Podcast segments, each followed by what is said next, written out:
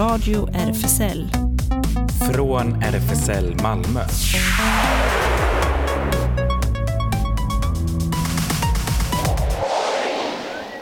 Välkommen till Radio RFSL, Riksförbundet för homosexuellas, bisexuellas, transpersoners, queeras och intersexpersoners rättigheter. Här sitter jag i studion bakom rattarna, Ellen och hej Jan Klas. Hej du! Nu sitter vi bara här själva. Förra veckan var det ju fullproppat i studion. Ja, Ja. precis. Så, men vi får fylla ut alla de andras röster också. Ja, det blir det faktiskt. Många andra röster förutom våra. Vi har ju både intervjuer eh, med två personer som du träffade. Mm. eh, som- Och du har också intervjuer. Precis, jag var ju på Idaho-manifestationen igår och eh, spelade in eh, delar av några tal därifrån. Och du var på ett panelsamtal om, eh, Om kroppsnormer. kroppsnormer, ja just det. Spännande. Och träffade där eh, Andreas, fotografen bakom utställningen som nu står på Stadsbiblioteket, Alla är vi nakna. Och panelledaren Erik Galli.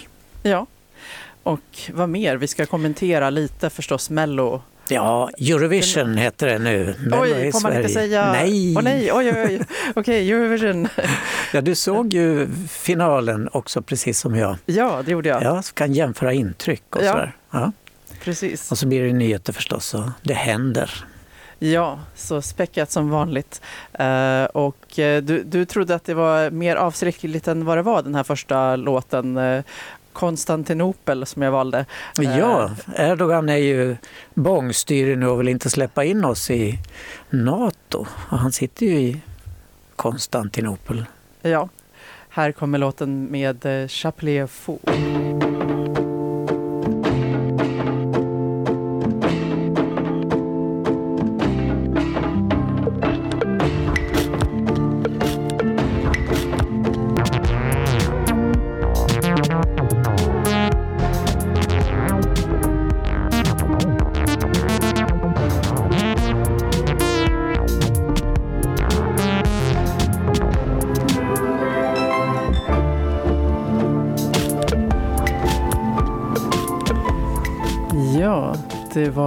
Konstantinopel med Chapelet Fou.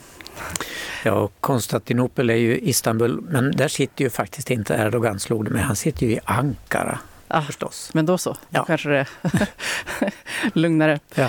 Eh, Jag var ju på Idaho-manifestation igår Eh, och eh, det är ju då varje år den 17 maj internationella dagen mot homofobi, transfobi och bifobi som uppmärksammades även i Malmö. Först var det en bilkaravan som eh, åkte en runda runt stan eh, och sen samlades alla på Möllevångstorget för en manifestation där det var flera talare från eh, olika organisationer och eh, jag spelade in några delar av talet så vi ska ta och höra först på en talare från eh, eh organisationen SQI. Eh, ska vi se här, få höra henne. lot, lot of uh, transphobia here, LGBT here in Malmö in Sweden. Especially the uh, Swedish system make us in the corn, all of us, all or mostly of uh, the trans girls from SQE, they can't come. They scared. They have no way to come today. Uh, but uh, we few two, we are two trans here from SQE from 12, and.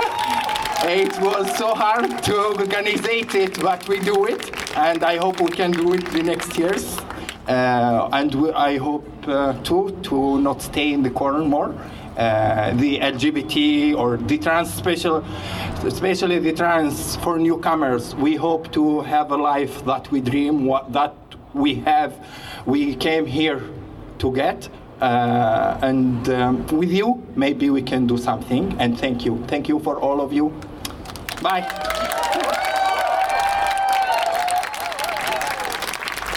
Ja, det var alltså från SQI, Svenska hbtq-initiativ. Och eh, därefter ehm, eh, talade Barbara som är eh, projektledare för RFSL Malmös Newcomers. Eh, så vi får även höra en liten bit av eh, hennes fina tal. We therefore appeal to our municipality to provide safe accommodations for queer refugees and asylum seekers in Skåne. We ask that they ensure that our friends, uh, that our queer friends' arrival to Sweden truly means that safety is secured for them, proving that Sweden has lived up to its reputation of a progressive country. We demand safe accommodation to be placed in urban area, uh, areas such as Malmo, where they will have access to acti activities as members of the local queer community, and importantly, access to all of our services and SQI on our official newcomers because safe integration does not mean pressuring the newcomers to blend in. Rather, it means offering them the tools and information helpful for them to live their best lives in the new country and realizing their full potential and dreams. Last but not least, my call is directed introspectively towards our queer community. I ask us for radical solidarity. Being queer is not easy.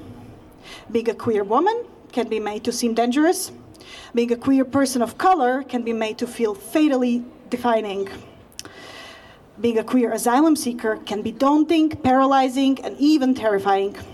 However, with a good support system, it can be safe and free for queers, and it can also be a liberating experience.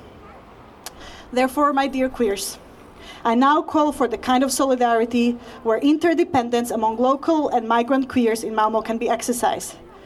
Let us use the resources we have to help each other. If you know of a decent job, reach out to a migrant queer in your circles. If you know of safe accommodation, ask them if they need one. We need you, they need you. Let us be reminded that no person is illegal and queer solidarity will not be hindered by uninformed assessment and decision making on top of a prevailing ignorance on homophobia. The fight goes on, there is work to be done. Thank you. Ja, och manifestationen arrangerades av eh, Idaho-kommittén och en eh, ganska nyformad eh, grupp eller kollektiv som kallas Rest and Resist. Och den sista talaren då heter Jon från Rest and Resist. Vi får först höra en liten beskrivning av föreningen och sen läser hen upp en av sina dikter. Rest och Resist är ett queert kreativt kollektiv. Vi vill skapa mötesplatser och vårt egna queera vardagsrum. Jon heter jag och jag ska läsa en dikt och sen ska Mikaela köra allsång med er.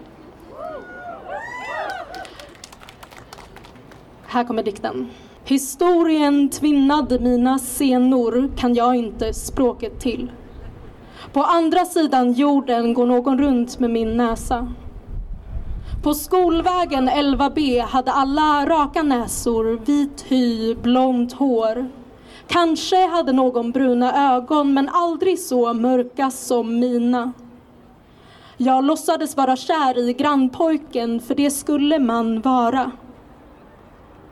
Lågstadiet. I deras rasistiska skämt fick jag utrymme att finnas till. Det fanns språk för att göra mig annorlunda. Mellanstadiet minns jag knappt. Högstadiet. Det sades något om homosexuellas rättigheter. Jag tänkte att det var viktigt men förstod inte att det var jag. Transhistoria fanns inget språk till. Något slags savior complex var det enda jag hade. Gymnasiet. Nytt namn. Lärarna vågade aldrig säga pronomen alls även när språket fanns där. De sa jon där det borde varit ett pronomen. Jon, jon, jon, jon. Gymnasiet. Vi hängde på Tumblr, vi fick ett nytt språk. Där lärde vi oss om Transgender Day of Visibility och Trans Day of Remembrance. En för gemenskapen, en för sorgen.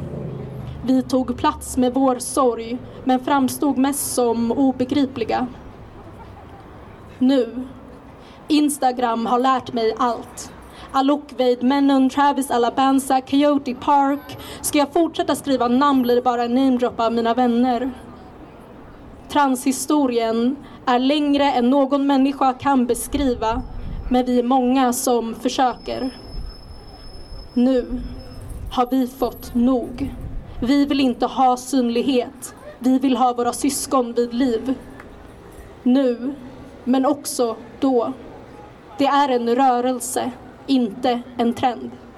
Tack så mycket.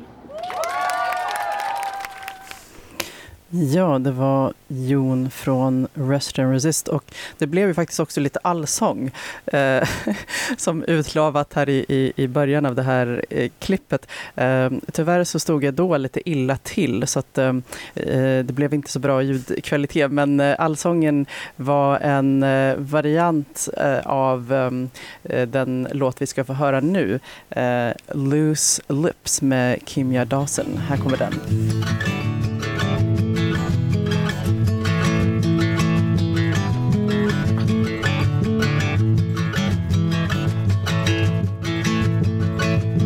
Loose lips might sink ships, but loose gooses take trips to San Francisco, double Dutch disco, tech TV, hottie, do it for Scott. We won't stop until somebody calls the cops, and even then we'll start again and just pretend that nothing ever happened. We won't stop until somebody calls the cops, and even then we'll start again and just pretend that nothing ever happened. Det var Loose Lips med Kimia Dawson.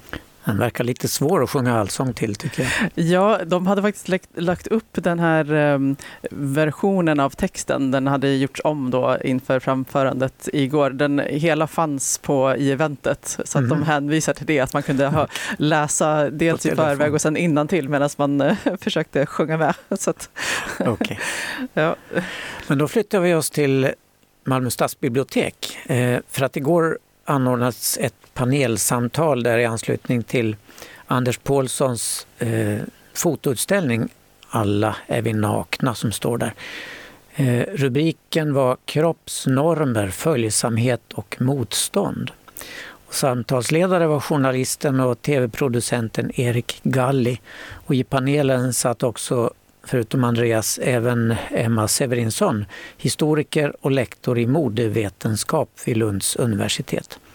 På drygt en timme så diskuterades olika aspekter av kroppsnormer och kroppsideal och hur vi som personer kan förhålla oss till det här. Fotoutställningen visades ju under World Pride i somras och består av ett antal helfigursporträtt av nakna och påklädda Malmöbor av alla kön som också får berätta om sig själva och sina tankar kring både sina yttre och inre lager för att ge en så sann bild av personens innersta väsen som möjligt. Och utställningen eh, Alla är vi nakna pågår fram till den 19 juni på biblioteket. Och efter panelsamtalet så träffade jag Andreas och Erik med min mikrofon. Först kan vi höra Andreas. Andreas, vi har just hört ett samtal här om eh, kroppsnormer och hur vi ställer oss till det med anledning av din utställning här på biblioteket. Eh, hur tyckte du samtalet gick? Ja men det är väldigt intressant. Eh, vi pratar ju väldigt mycket om, om de sista hundra åren. Eh, om kroppsnormer förändras etc. Och hur samhället påverkas idag av till exempel av Instagram av att man ser olika eh, former av kroppar. Och eh, vad jag har försökt visa med utställningen Alla är vi nakna är ju att vi är, vi har så många olika sorters kroppar och, eh, och alla sorters kroppar bör visas. Vissa tycker ju inte det. Den har väckt starka reaktioner på sina håll den här utställningen. Och en gick till härverk mot din bilden på dig. Hur fattar du det? Eh, ja det stämmer. En har skurit bort eh, könet på min bild. Eh, vilket känns väldigt olustigt då någon har kommit in med något, något skarpt och skurit av den. Den är ju tillbaka nu och nu, i reparerat skick? I reparerat skick. Så nu är jag hel igen. Känns tryggt att höra. Men du har fått positiva reaktioner också? Ja, faktiskt väldigt mycket. Eh, jag har varit med om folk som har gråtit för att de behövde läsa om just den personen som kanske efterliknar var de själva är i livet just nu. Eh, och det är jag väldigt glad för. Att man kan påverka. Ja, verkligen. Den fyller ju många syften då tydligen. väcka och väcka känslor. Ja, det stämmer. Ett eh, väldigt stort spektra. Från att någon har stått skakat av att de har varit så förbannade på att detta är en olaglig utställning, vilket det inte, det inte är, till att eh, en barnfamilj gick runt och använde det som ett pedagogiskt material för att eh, berätta om att ja, så här ser denna personen ut och så här tänker den. Vilket känns som ett lysande exempel. Jättebra. Alltså, samtalsledaren Erik Galli, 31 år, han är journalist, fotograf och tv-producent. Han blev känd för en större allmänhet när hans egenproducerade dokumentärserie Under kniven sändes i SVT i våras. Där granskar han plastikoperationshypen med sig själv som talande exempel. Han har sagt att det var nästan svårare att komma ut som plastikopererad än att komma ut som bög. Ja, du Erik Kalli, var ju med i panelen här eh, utifrån din serie om plastikoperationerna. Hur ser du på utställningen här? Men jag tycker den är jätte... Eh, det är så, jag pratade om det under det här samtalet, då, men det är, det är väldigt så läkande typ att se eh, nakna kroppar som inte bara är typ de man ser i porr, typ, som man själv också har valt ut, typ, eller man ska säga. Ehm, man ser ju väldigt sällan eh, olika slags kroppar och eh, menar, jag som är inne mycket på Instagram får ju väldigt mycket förstärkning bara av samma typer av utseenden som jag själv kanske idealiserar. Eller så så det, är, det är väldigt skönt. Och de är väl inte särskilt plastikopererade, någon av de kropparna här? Det, det, det, vet man, det har jag lärt mig, det vet man aldrig vad folk har gjort. Det är rätt som det så är det något man inte vet om. Och en, en, en har jag sett som jag ser att det har gjorts saker. Var det någon som berättade något sånt för dig, Andreas? Eh, ja, eh, en som har gått igenom eh, eh plastikoperationer på grund av eh, personerna är trans, till exempel. Just det. Jag själv är plastikopererad minst fyra gånger. Jaså? Ja, på skalten. Ja, ja, ja, ja, ja. Men det blir ju inte vackert. Nej, ja, men så illa var det inte. Men det var ju för att jag har en slags cancer som du måste ja. ta bort. Men eh, du har gått igenom vad var det, åtta operationer va? Eh, ja, jag har liksom tappat räkningen lite, men det är, det är jag säger, vi kan säga åtta. Men ditt mål var 10, har du två kvar då? Nej, alltså det, jag drar till med en siffra där. Alltså, jag menade med att redan innan jag gjorde min första operation så hade jag ju en, en problemformulering av allt som var fult med mig och en lång lista. En lång lista och hade ju då researchat så här, men de, vissa saker går liksom inte att ändra på in, idag med modern teknik. Eh, men alla de här sakerna har jag hittat som går att göra och då handlade det bara om att prioritera. Så här, jag kommer inte från pengar, vad är det viktigaste att göra? Och liksom, sen får jag beta av den allt eftersom. Vad normal man låter. Ja, men eh, hur gör man valet? Ska jag åka på semester eller ska jag göra en plastikoperation? Nej, men det är ju det jag, eh, som är det dummaste jag har gjort egentligen kan jag tycka. För att jag, jag menar, om, man är, om man är mitt i yrkeslivet eh, då kan man ju kanske göra en, en sån avvägning att vissa sparar till jag vet inte, en sommarstuga eller en bil och vissa kan, då har man kanske pengar att spara till ett ingrepp. Men i och med att jag började när jag var så ung så min livskvalitet i efterhand var, blev ju väldigt mycket lägre av att jag liksom kanske levde som en råtta och inte hade råd att äta ute, säger vi, med vännerna. Men för att jag la pengarna på en jättedyr operation istället. Det eh, var ju en felprioritering eh, som jag önskar jag kunde säga åt unga Erik att, att eh, inte göra. När man ser serien eh, och ser hur det såg ut från början då så tänkte man hur fan resonerar en sån snygg kille? Varför måste man göra plastikoperationer? Ja. Ja, ja, tack. Vad ska jag svara på det? Nej, men grejen är att jag håller ju med om det. Uh, att du var snygg?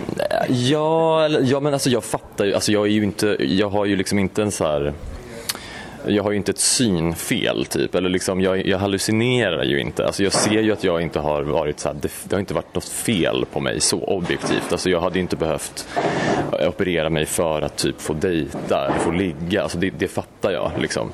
Um, men det handlar ju om, jag kan inte förklara det. Det är liksom någon gång fick jag för mig att mitt utseende var det var, det var liksom inte satt utan det var helt eh, det var förhandlingsbart sa jag förut, det är inte helt rätt ord kanske men det var bara helt det, det, är inte bestämt. Och då får man för sig det, nej men då, då kan man ju bara tänka så här, vad är det ideala? Och varför ser jag inte ut så? Uh, jag har liksom blivit beklämd när jag har, jag, jag har känt mig väldigt ful bara. Men jag har inte, jag har inte tänkt kanske objektivt att jag, jag vet inte, det är någon, någonting klaffar inte helt där tror jag.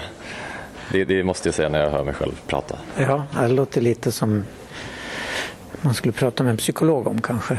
Jo, men det, det kan jag säga att det har gjorts och det, och det görs, absolut.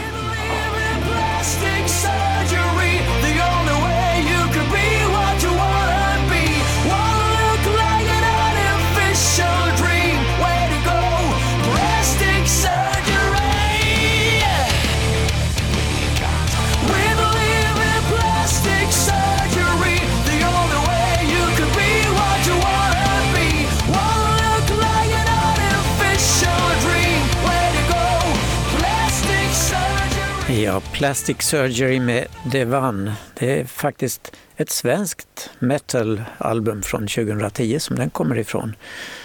Eh, Planet Botox. Ja, jag gillar det albumnamnet. Ja, just det. Och den här låten hade kunnat platsa i Eurovision, eller vad säger du? Tänk vad, ja. vad scenografin hade gjort av den här låten. Herregud, så mycket blod det hade stängt. Ja, och det har ju såklart funnits flera bidrag i tidigare år som har varit åt metal-hållet. Ja, ja.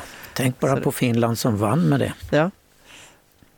Men i år, vi flyttar oss ifrån plastikoperationsvärlden till Eurovision-finalen nu i lördags. Ja. Ja.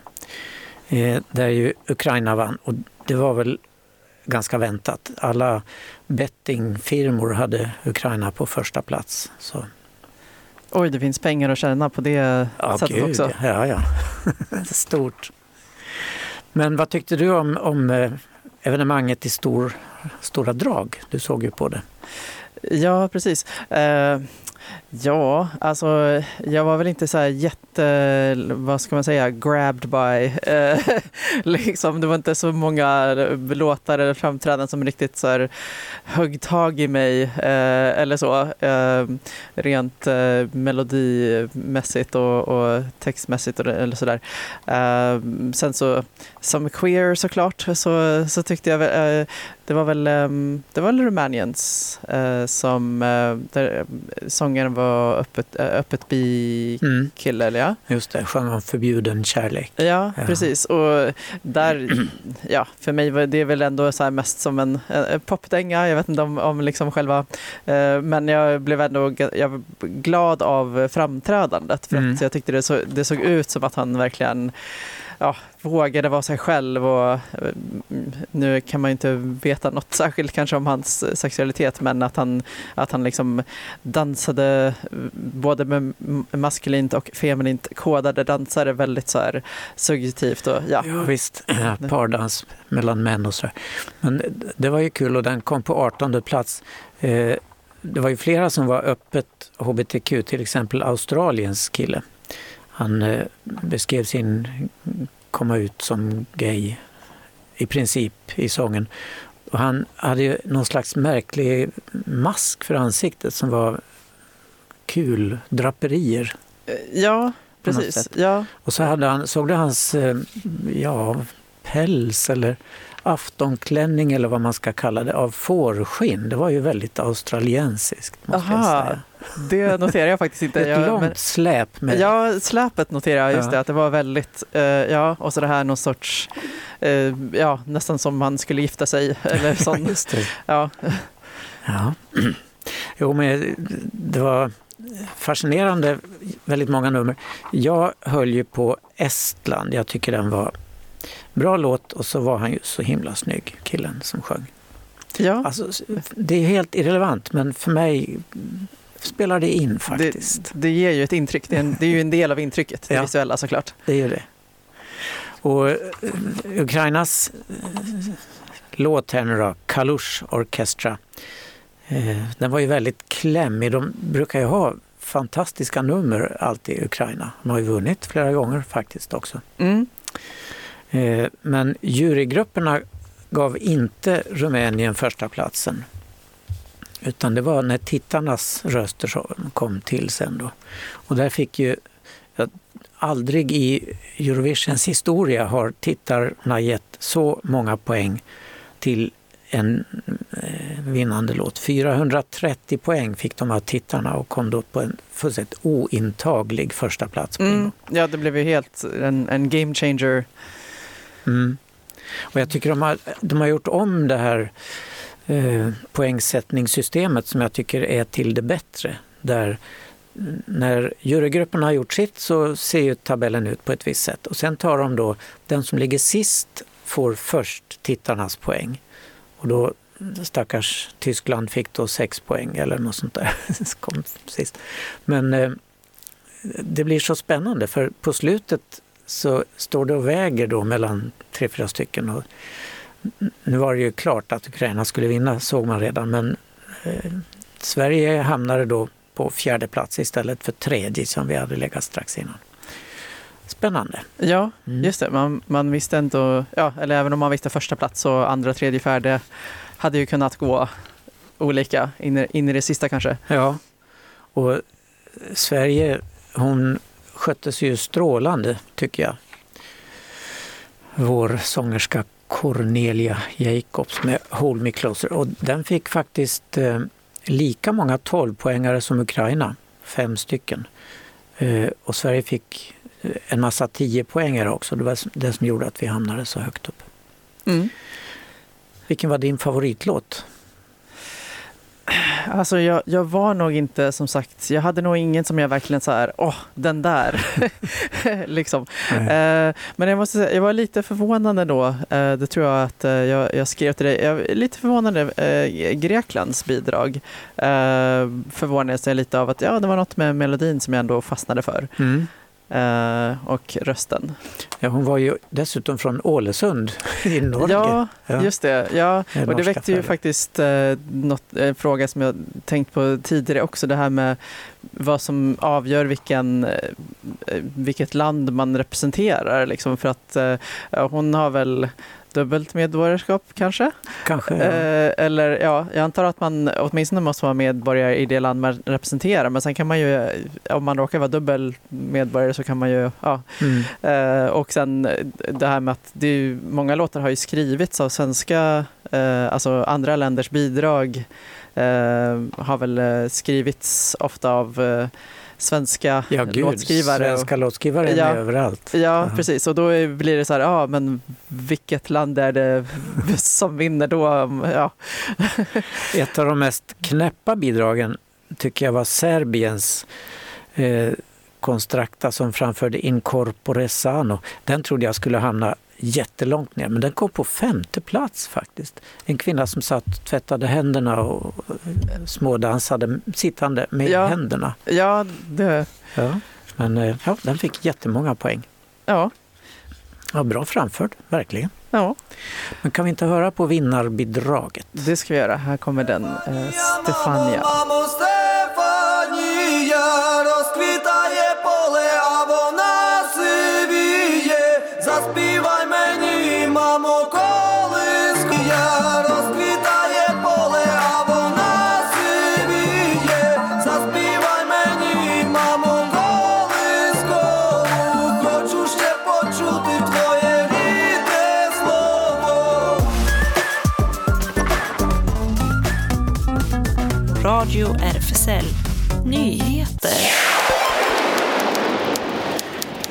Ja, nu vajar regnbågsflaggor med besked i Skurup efter en långdragen beslutsprocess.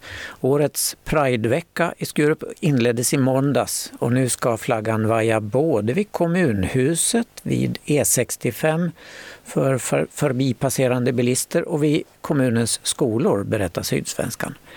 Förslaget att köpa in regnbågsflaggor till kommunen lades redan hösten 2019 av Liberalerna. Men det förhalades av de då styrande Moderaterna och Sverigedemokraterna. Så först sedan Socialdemokraterna tog över ledningen i december förra året kom det på dagordningen och beslut fattades i mars i år. Det blev 21 röster för i kommunfullmäktige, 14 nej och 4 som avstod. Men nu är det alltså Pride i Skurup igen med stor parad på lördag. Det hoppas i alla fall 16-åriga Liv Wallenberg som förra året var en av dem som tog initiativ till ett mycket lyckat Pride-firande i den homofobidrabbade byn. Och det här året är hon huvudtalare vid Skurup Pride. Särskilt nervös är hon inte eftersom hon fick bra träning under QX Gaygala nyligen där hon var prisutdelare i kategorin Årets hederspris. Det gick till Vanja Söderberg som i maj 1971 deltog i Sveriges första Pride-tåg, då i Örebro. Alldeles nedanför scenen såg jag bland andra Carola, Molly Hammar, Darin, Peter Jöback, Erik Sade. Så inte behöver jag vara nervös i Skurup, säger Liv glatt till Sydsvenskan. I tidningen berättar hon hur hon efter dödshot för ett år sedan skrev inlägg på Facebook som fick hela byn att reagera. Då skapades organisationen Ett Skurup för alla som blev ett stort stöd, inte bara för Liv utan för alla hbtq-personer i byn. Vi lägger ut en länk som ni kan läsa Eh, hela fina reportaget med Liv i Sydsvenskan. ILGA Europes årliga gradering över hur bra länder är på hbtqi-rättigheter är nu klar. Sverige hamnar på sjätte plats i Europa efter ettan Malta och sen Danmark, Belgien, Norge och Luxemburg. ILGA, International Lesbian Gay eh, Association Europe sätter upp ett antal hbtqi-relaterade kriterier som länderna ska uppfylla. Men eh, än så länge har inget land nått upp till 100 procents uppfyllnad. Malta hamnar på vördnadsbjudande 92 procent. Sen är det ett rejält hopp till Danmarks 73,78 och ännu längre till Sveriges 67,97. Ja, 68 kan vi väl säga då att Sverige har. Minst tre grejer måste Sverige fixa för att kunna avancera på den här listan. Dels måste juridiken kring könstillhörigheten reformeras så att det blir fritt, transparent och baserat på egenbestämmande. Inget kränkande som medicinsk diagnos, medicinska krav och ålder. Medicinska ingrepp på minderåriga intersexpersoner utom medicinskt nödvändiga ska undvikas eller skjutas upp tills personen kan ge informerat samtycke. Asylprocessen måste uttryckligen inkludera sexuell läggning, könsidentitet, könsuttryck och eh, könskaraktäristiska grunder. Värstingarna av alla Europas 49 länder på ILGAs lista är Ryssland förstås, men allra sist ligger Azerbajdzjan med bara 2 Och vi kan lägga ut en länk till den här ILGAs eh, undersökning och en interaktiv karta också. Grekland blir nu senaste landet att införa ett förbud mot omvändelseterapi, men det handlar inte om ett totalförbud. Enligt beslutet får minderåriga personer inte genomgå terapi eller behandlingar ämnade att ändra på personens sexuella läggning eller könsidentitet. Det blir också förbjudet att marknadsföra omvändelseterapi. Däremot kan vuxna mot skriftligt samtycke få genomgå behandlingar som påstås kunna göra en person som är homosexuell till heterosexuell och, andra, Eh, och ändra på en persons könsidentitet. Nyligen har bland andra Frankrike, Kanada och Israel infört liknande förbud. Ett eh, åtal för förtal mot en polsk hbtq-aktivist har ogillats av en domstol i staden Rzeszow i Polen, skriver Human Rights Watch, citerad av tidningen Global. Aktivisten Bartosz Stasewski stämdes av byn Nibylek efter att han i en kampanj visat att byn antagit bestämmelser för att stoppa så kallad hbtq-ideologi. Human Rights Watch beskriver det som en viktig seger för hbtq-personers yttrandefrihet. Bartosz kampanj gick ut på att fota sig själv och andra aktivister vid infarten till platser som antagit liknande bestämmelser. De höll där upp skyltar med budskapet hbtq-fri zon. Bartosz skriver på sin hemsida att domstolen i sitt beslut att ogilla åtalet skriver att kommuner citat, inte i efterhand kan skämmas för de resolutioner de tidigare har antagit. I ett annat domslut i mars i år upphävdes den homofobiska byns beslut om hbtq-fri zon eftersom det, som det hette, inte finns någon hbtq-ideologi liksom det inte finns någon heterosexuell ideologi. Den grundlagsstadgade aborträtten i USA, eh, en följd av det gamla domslutet Roe v. Wade, verkar ju tyvärr vara på väg att rivas ut, upp. Därmed kan också andra rättigheter hotas, till exempel rätten till samkönade äktenskap. Amerikanska HD fastställde på, på sin tid aborträtt med hänvisning till rätten till privatliv. Men det innefattar så många andra aspekter och om den ruckas kring abort kan även andra rättigheter komma att utmanas, menar juridiska experter. Till exempel samkönade äktenskap och preventivmedel kan hotas på sikt. Abort har i USA åtnjutit ett grundlagsskydd i 49 år. Inte för att abort uttryckligen garanteras i konstitutionen utan för att Högsta domstolen 1973 menade att abort var en rättighet som föll under rätten till privatliv i enlighet med den 14, det 14 tillägget i grundlagen. Flera andra rättigheter faller under samma paraply, exempelvis rätten till preventivmedel och rätten till samkönade äktenskap.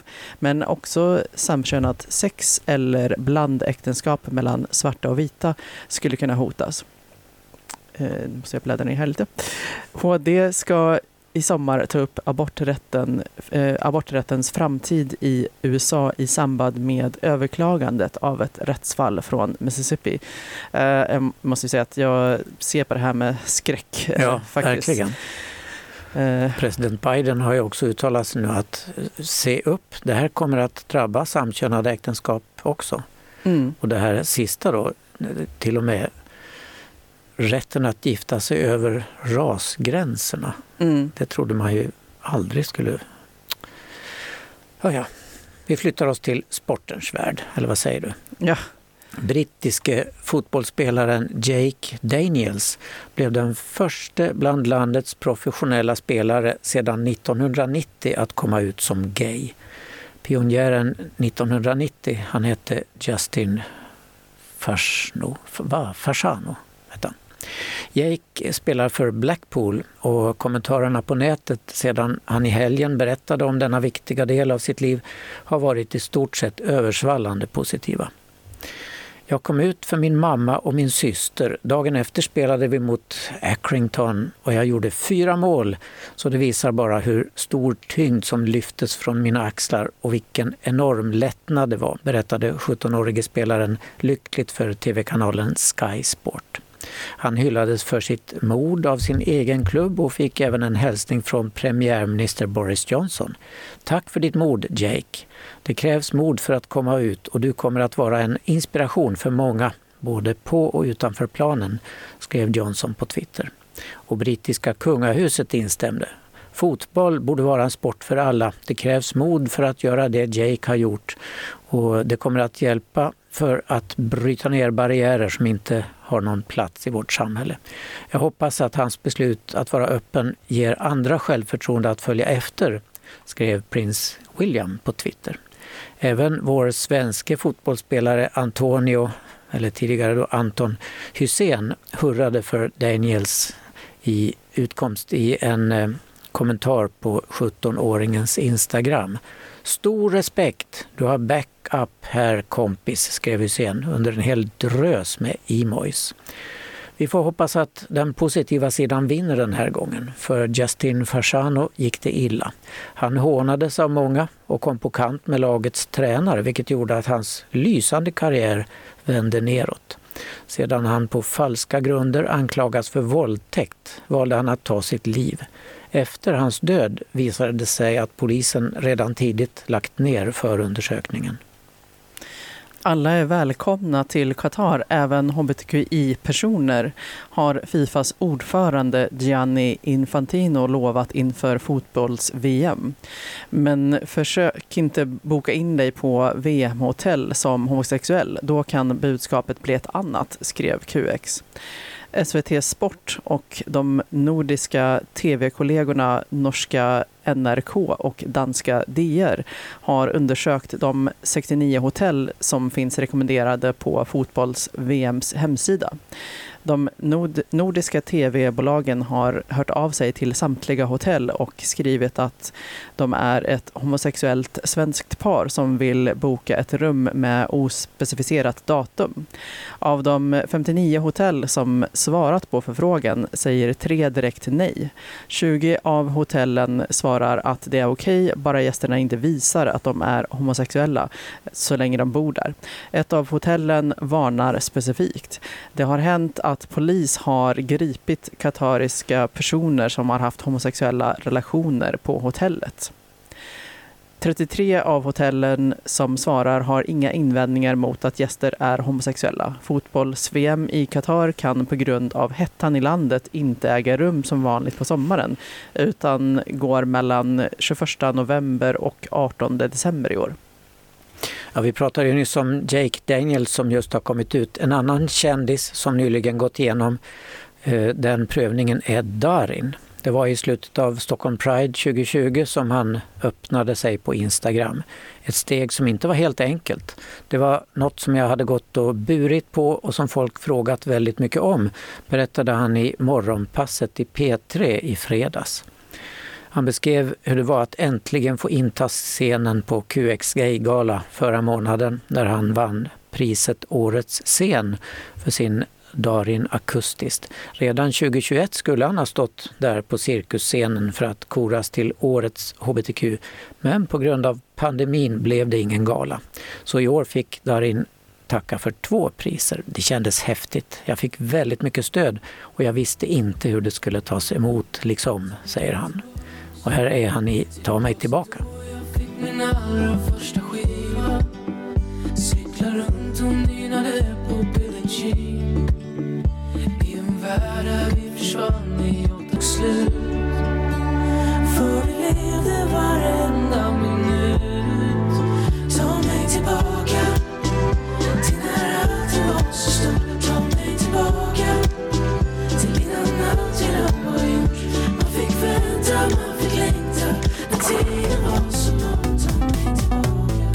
Radio RFSL. Det händer. Ja, det händer ju en massa i vår queer Malmö, eller hur? Verkligen. RFSL Malmö har ju lokal då på Stora Nygatan 18 och RFSL har också förstås Facebook och hemsida och Twitter och Instagram och allt vad som... Vi är ju lätta att hitta. Ja, just det. Eh, och vi har då till exempel öppet café i lokalen på tisdag och torsdag mellan 13 och cirka 16.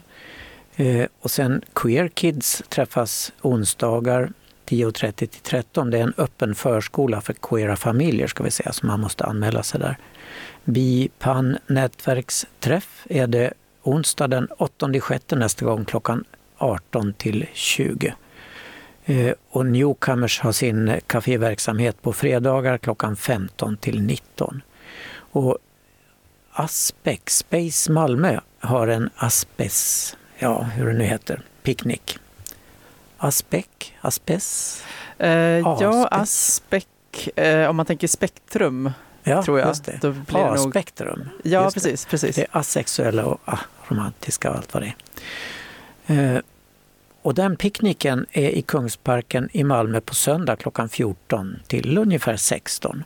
Och man tar med filt och sådär. Och så eh, möts man då klockan 14. Ja, var, var, var möter man någonstans? Ja, det får, finns på deras Facebook-sida kanske. Ja, precis. Eh, jag har varit med, inte just eh, den här picknicken, men jag minns från tidigare picknickar eh, förra året att de brukade posta en bild på var de satt när de väl Aha. hade satt sig. Eller så träffades de först utanför, ja men det står ju faktiskt Meet up in front of the library. Ja, så att om man hann, ja, antingen om man hann infinna sig framför stadsbiblioteket vid den tiden så gick man bara med då och annars så kunde man ansluta sig. Jag misstänker att de använder samma system nu, att om man är eftersläntrare så kan man nog kolla eh, ifall de har lagt upp en bild på var i parken de sitter. Just det, och det blir ett mm, skattsökarprogram ungefär, skattjakt. Ja. Här är vi. Ja. Ja, det var Aspes det. Senior träffas också ibland vissa söndagar och vill man hänga med där så kan man skicka ett eh, mejl till senior malmo.rfsl.se och då kommer man med på mejlinglistan. Mm. Och Habitat Q, ungdomshänget, eh, äger rum måndagar och torsdagar 17 till 20. Man kan eh, hålla sig uppdaterad på Facebook eller Insta om vart man ska träffas och skriva. På Insta är det snabel habitat Q dit man kan DMa om man tillhör eh, åldersgruppen. Det är ungdomar 13 till 19. Ja, och sen pågår en insamling, Refugees Welcome Sverige insamling. Och där finns eh, Swish-numret på RFSLs hemsida antar jag, så man kan gå in och kolla. Mm. Och eh, SLM Malmö håller till på Sällerupsvägen 30. Det är en medlemsklubb bara för män. Tisdagar är klubben öppen 20 till 24 men dörren stänger 22. Och lördagar är klubben öppen 22 till 02 men dörren stänger vid midnatt. Och på fredag klockan 17 till 21 så öppnas en utställning som heter Närmare på Molekylgalleriet. Eh, en kollektiv utställning för att framhäva queera konstnärer och konstkollektiv baserade i Malmö. Ja, vernissagen är då den 20 och sen utställningsperioden eh, fram till den 12 juni och öppet torsdag, fredag 15 till 18, lördag, söndag 13 till 16. Mm. Och eh, vi har ju nämnt Skurup Pride-parad eh, som på lördag klockan 14 utgår från Stortorget i Skurup. Just det. Och på lördag samma dag, alltså klockan 16 till 17, så är det vår konsert på garaget Lönngatan, alltså lilla biblioteksfilialen. Och det är Malmö regnbågskör som välkomnar till en sprudlande vårkonsert att fira in våren klockan 16. Och på söndag klockan 16.00 eh, har man möjlighet till eh, ännu mer konst eh, på Interart Center. Eh, jag är lite osäker på hur man uttalar här. Tiger Baby Cunt, kanske? ja. Ehm, eh, ett, ett uppträdande av eh, Vincent Chong som eh, beskrivs som en amerikansk eh, konstnär och eh, eh, communityorganisatör som blandar drag, ehm, asiatisk och eh, amerikansk queer klubbkultur, måleri, traditionell eh, kinesisk ehm, eh, konstpraktik med mera. Så att eh, det kan man eh, passa på att se. Utställningsperioden är på Skånes konstförening mellan 20 maj till 19 juni. Och på onsdag då är det Lunda Pride. Den här veckan är det i Skurup, nästa vecka är det i Lund.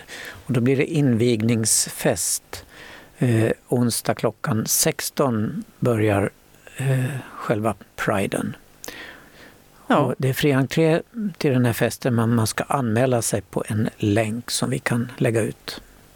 Just det, och eh, man kan ju redan nu också tipsa om erotik eh, erotikaftonfestival som pågår mellan den 29 maj och 4 juni. Eh, festival under åtta dagar på sju olika eh, venues, eh, lokaler i Malmö, bland annat inkomst med över 30 konstnärer och artister från hela världen. Ja, det får vi återkomma till. Och onsdag den 1 juni kan vi berätta om nästa vecka tror jag. Det är en levande bokcirkel för dig som är bi eller pan. Men Mm. nu hinner vi inte mer idag. Nej, så vi tar uh, och gångar iväg med lite musik. Eh, här kommer IR med Rubio. Tack, för idag. för idag. Hej då.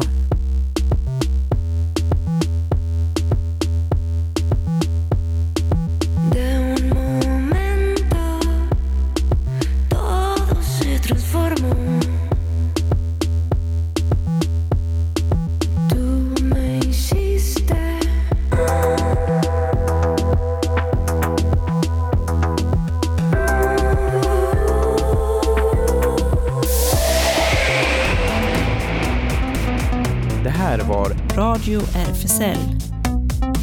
Från RFSL Malmö.